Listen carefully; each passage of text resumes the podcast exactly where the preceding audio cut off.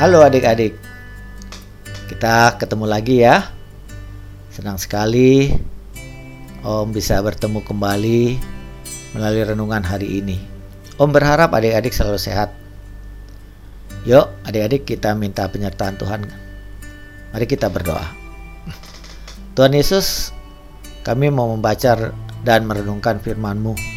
Tuhan tolong kami supaya kami mengerti dan memahami firman-Mu dan dapat melakukannya setiap hari. Terima kasih Tuhan Yesus. Amin. Mari adik-adik kita siapkan Alkitabnya.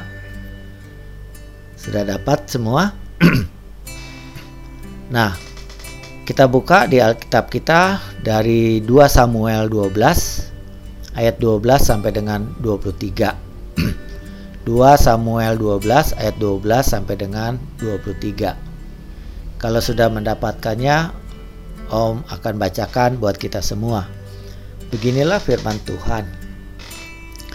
Sebab engkau telah melakukan secara tersembunyi, tetapi aku akan melakukan hal in, itu di depan seluruh Israel secara terang-terangan. Lalu berkatalah Daud kepada Nathan, Aku sudah berdosa kepada Tuhan. Dan Nathan berkata kepada Daud, Tuhan telah menjauhkan dosamu itu. engkau tidak akan mati. Walaupun demikian, karena engkau dengan perbuatan ini telah sangat menista Tuhan. Pastilah anak yang lahir bagimu itu akan mati. Kemudian pergilah Nathan ke rumahnya, dan Tuhan menulahi anak yang dilahirkan bekas istri Uria bagi Daud sehingga sakit. Lalu Daud memohon kepada Allah oleh karena anak itu ia berpuasa dengan tekun dan apabila ia masuk ke dalam semalam-malaman ia berbaring di tanah. Maka datanglah kepadanya para tua-tua yang di rumahnya untuk meminta ia bangun dari lantai. Tetapi ia tidak mau. Juga ia tidak makan bersama-sama dengan mereka. Pada hari yang ketujuh matilah anak itu dan pegawai-pegawai Daud takut memberitahukan kepadanya bahwa anak itu sudah mati.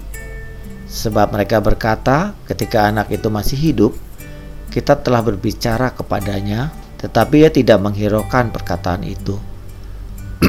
Bagaimana kita dapat mengatakan kepadanya anak itu sudah mati? Jangan-jangan ia mencelakakan diri. Ketika Daud melihat bahwa pegawai-pegawainya berbisik-bisik, mengertilah ia bahwa anak itu sudah mati. Lalu Daud bertanya kepada pegawai-pegawainya, "Sudah matikah anak itu?" Jawab mereka, "Sudah." Lalu Daud bangun dari lantai, ia mandi dan berurap dan bertukar pakaian. Ia masuk ke dalam rumah Tuhan dan sujud menyembah. Sesudah itu pulanglah ia ke rumahnya dan atas permintaannya dihidangkannya kepadanya roti lalu ia makan. Berkatalah pegawai-pegawainya kepadanya, apakah artinya hal yang kau perbuat ini? Oleh karena anak yang masih hidup itu engkau berpuasa dan menangis. Tetapi sudah anak itu mati, engkau bangun dan makan. Jawabnya, selagi anak itu hidup, Aku berpuasa dan menangis karena pikirku, siapa tahu Tuhan mengasihi aku sehingga anak itu tetap hidup. Tetapi sekarang ia sudah mati. Mengapa aku harus berpuasa? Dapatkah aku mengembalikannya lagi?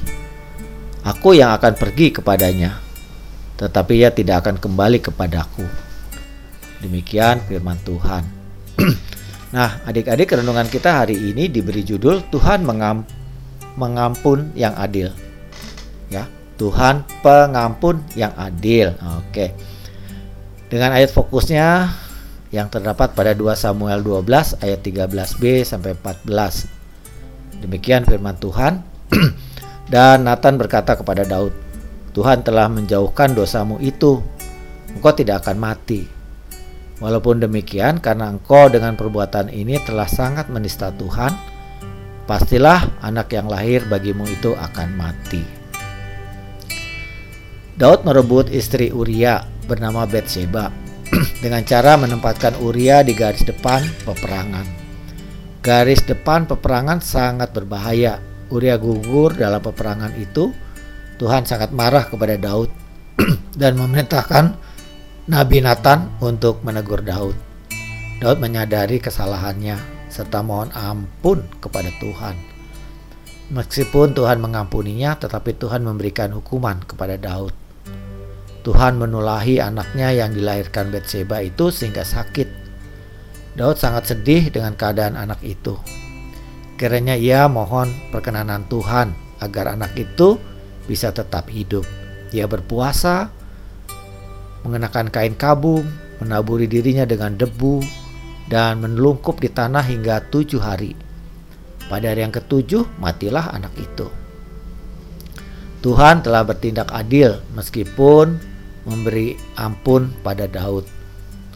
Adik-adik, bagaimana adik-adik menanggapi sikap Allah yang mengampuni Daud tetapi tidak mau menyelamatkan anaknya? Apakah pengampunan Allah itu sia-sia bagi Daud?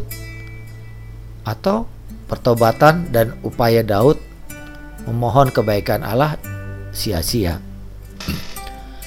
Adik-adik, pengampunan dari Tuhan bukan berarti kita tidak mendapatkan konsekuensi atau akibat dari dosa yang kita perbuat. Tuhan adil dan mengasihi kita.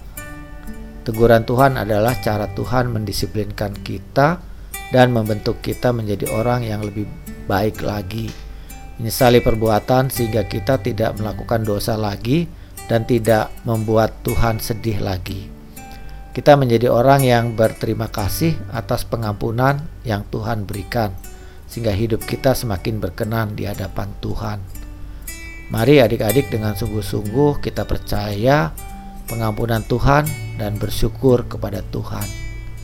Yuk adik-adik kita sama-sama mau kita katakan Aku bersyukur kepada Allah yang adil dan maha pengampun Kita ulang ya Aku bersyukur kepada Allah yang adil dan maha pengampun Demikian adik-adik Yuk kita berdoa kembali